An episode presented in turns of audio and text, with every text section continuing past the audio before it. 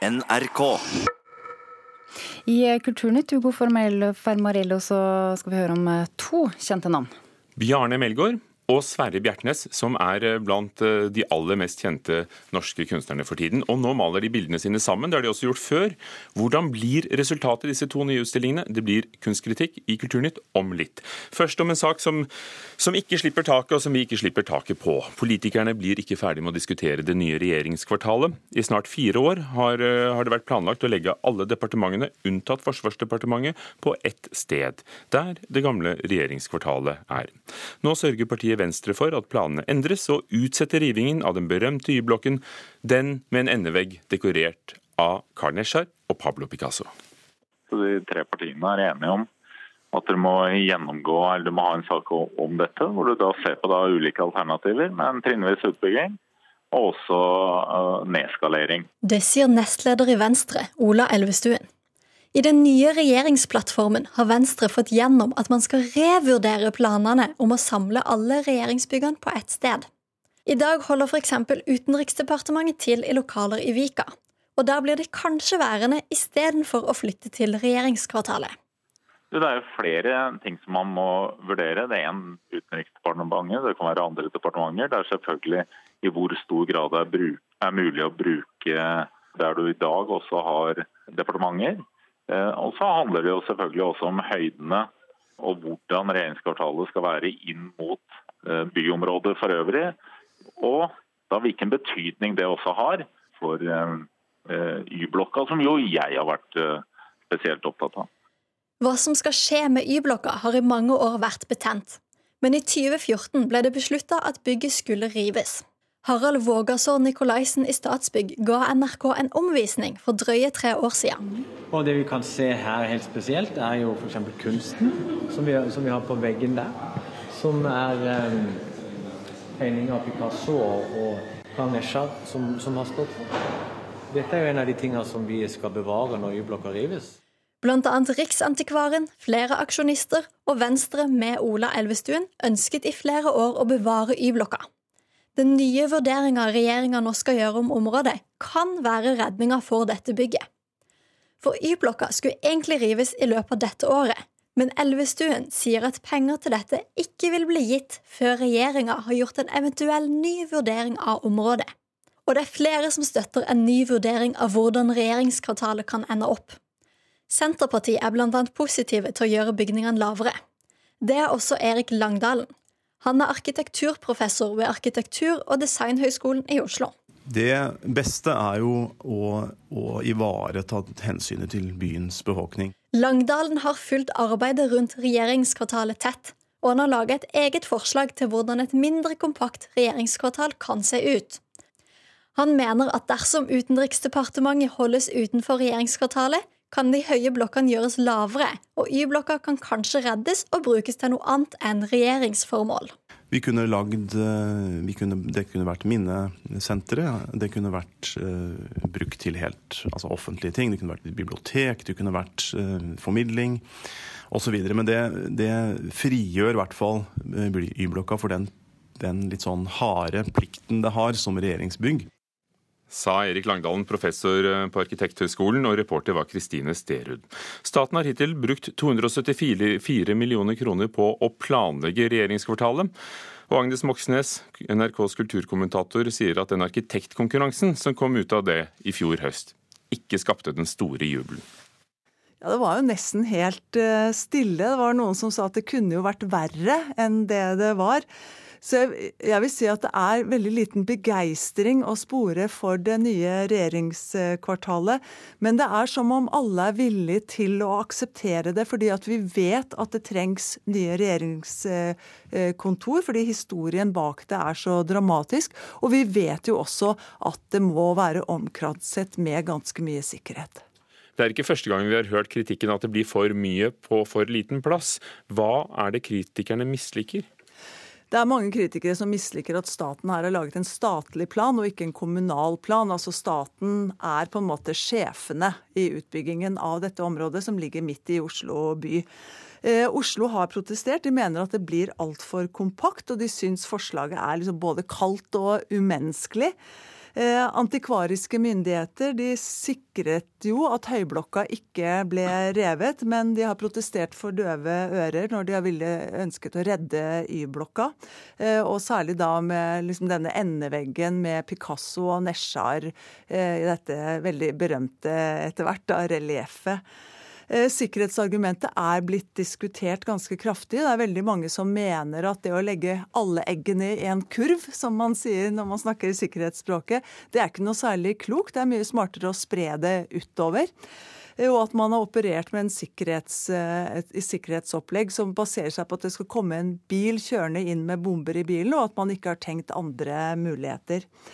Eh, og så er det flere stortingspolitikere, men enkeltstående stortingspolitikere, som f.eks. Arbeiderpartiets Jan Bøhler, som har stilt spørsmål hvorfor kan man ikke bruke de departementskontorene som jo er i full stand til å, og som brukes i dag, og som er moderne, fine kontorer. Men det ble holdt en arkitektkonkurranse i fjor høst, og kåret en vinner. Riktignok med diskusjoner rundt det, men betyr det at alt det har vært forgjeves? Jeg tror nok Statsbygg har tenkt eh, den muligheten av at f.eks. Utenriksdepartementet Noen kommer til å, å, mene at Utenriksdepartementet skal være der de er. Så det er nok de tegningene som foreligger, altså vinnerforslaget til Team Urbis, eh, har nok muligheten til en såkalt nedskalering, altså at det kan gjøres mindre. Men så er det spørsmålet da, er det optimalt å ha en arkitektkonkurranse som egentlig tegner det, altså tegner noe annet enn det det skal bli? Og så har jo opposisjonen på Stortinget nå lagt inn, altså et flertall, lagt inn et forslag om at trevirke skal inn i regjeringskvartalet på en helt annen måte enn det det er tenkt eh, til så langt. Og da er jo spørsmålet om det trevirket skal synes fra, altså eksteriørt. Og hvis man skal gjøre det, så må man jo også tenke annerledes med tanke på arkitektur. Sa Agnes Moxnes, vår kulturkommentator.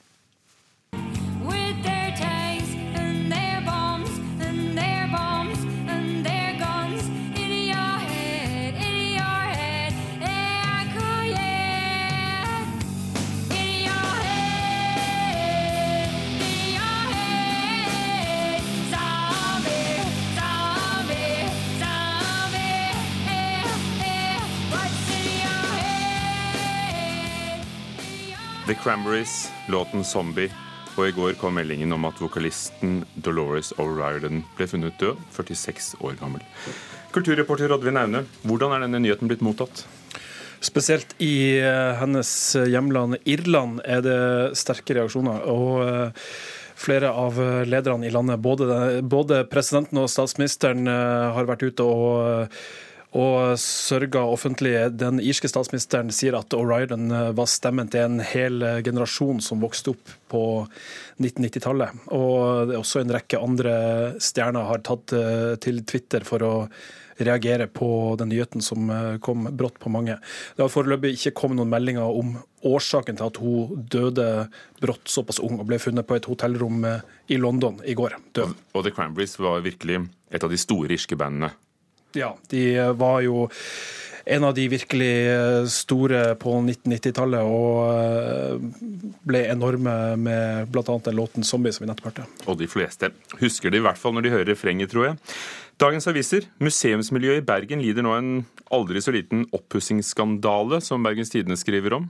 Hva går det ut på? Ja, Bergens Tidende slår opp uh, i dag at det har eh, gått skikkelig på tverke i forbindelse med oppussing av Kode 1, som er et av museumsbyggene i uh, Bergen. Og Det er altså den gamle permanenten med Kunstindustrimuseet, den gamle bygningen fra 1800-tallet som ligger like ved Hotell Norge, bare så det er sagt? Ja, det er riktig. Det bygget er fra 1896, og det har vært gjennom en omfattende rehabilitering og blitt pussa opp i to og et halvt år til en prislapp på over 100 millioner kroner.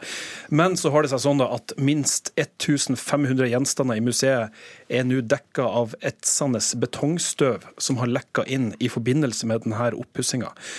Og øh, hva, hva, skjer da? Nei, altså Det som er greia er at alle gjenstandene var ikke pakka inn på forhånd, og de er nå dekka i grått betongstøv.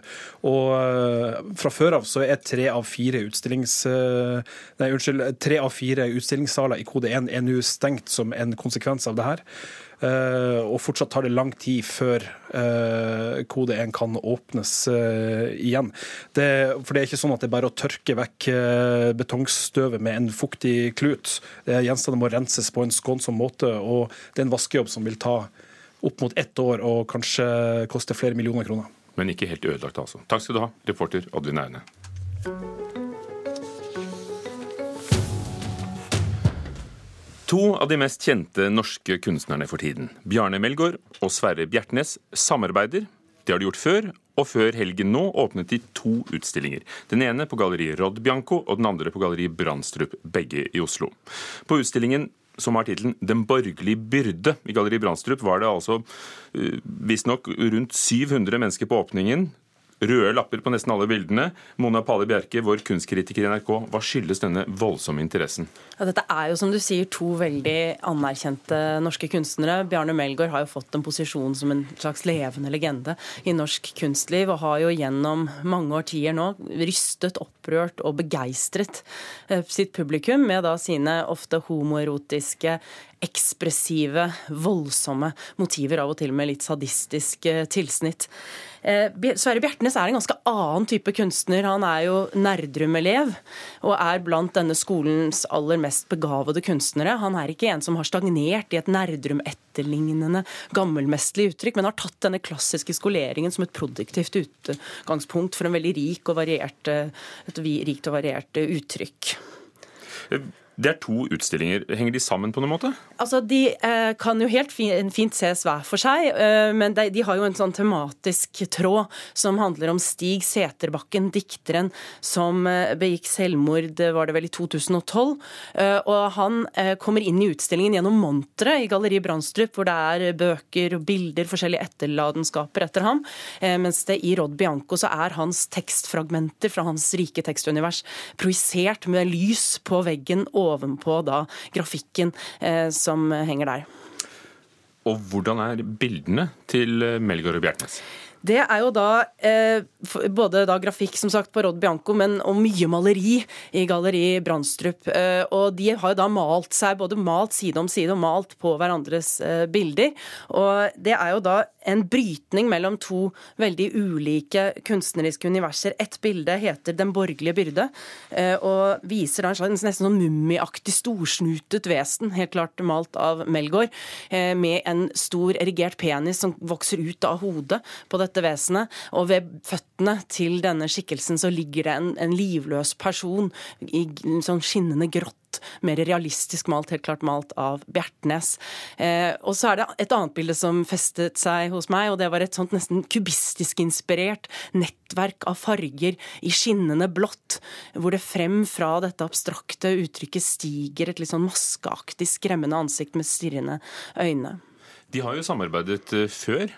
Hva, hva, hva gir det når de uh, slår seg sammen? Altså I 2012 så var det jo Jeg var jo panegyrisk. Det var helt fantastisk å se hvordan de tegnet seg da den gang inn i hverandres univers. Det skapte virkelig store, mektige dissonanser og spenninger når disse to veldig ulike kunstnerne på en måte viklet seg i hverandre og tørnet sammen. Denne gangen så opplever jeg faktisk at noe av den kraften og spenningen har gått litt tapt. Jeg lurer på om det kan ha å gjøre med at de nå har lagt bort tegningen. De er jo hver især veldig virtuose tegnere, kanskje først og fremst tegnere. Eh, denne gangen så maler de, og jeg opplever vel også at det var mer av en tvekamp sist. Mens det denne gangen så opp, føler jeg at kanskje Melgaard har vunnet litt, og overdøver med sin veldig sånn høyrøstede stil. Eh, Sverre Bjertnæs eh, litt mer stillferdige, underfundige og drømmeaktig eh, uttrykk. Så jeg må nok si at eh, kanskje gikk jeg til denne utstillingen pga. 2012-prosjektet med en veldig, veldig høye forventninger, eh, men jeg ble nok bitte lite grann skuffet. Så det har skjedd noe på de seks årene, altså? De, ja. de har kommet nærmere hverandre? Det kan nok hende det er det de har, og at det er mer sømløse overganger, og at dissonansene og spenningene ikke er så sterkt til stede som sist. Men fremdeles er dette veldig flotte utstillinger, eh, spektakulære utstillinger som man bør få med seg. Hva, hva gir det at Stig Seterbakens etterlatenskaper står, altså dikteren står i monteret? Henger ja, det, det, sammen? Ja, det, det syns jeg absolutt det gjør. Og det gir jo en sånn tematikk også knyttet til både diktning, litt det litterære og det kunstneriske som flettes sammen sammen også dette med selvmord, da, siden det er dette vi også husker ham for. Da. Takk skal du ha, Mona Palle Bjerke. Utstillingene med Sverre Bjertnæs og Bjarne Melgaard står på Galleri Brandstrup til 4.2 og Rod Bianco til 18.2. Begge deler i Oslo. Og det var Kulturnytt. Været skaper jo store problemer på Sør- og Østlandet denne morgenen. Folk er uten strøm på Sørlandet, Torp lufthavn er stengt og det er forsinkelser ved Oslo lufthavn. Det er også problemer i togtrafikken. Vi skal straks til vår reporter i Drammen for å høre hvordan det går der. Først har Vidar Eidhammer et sammendrag av nyhetene.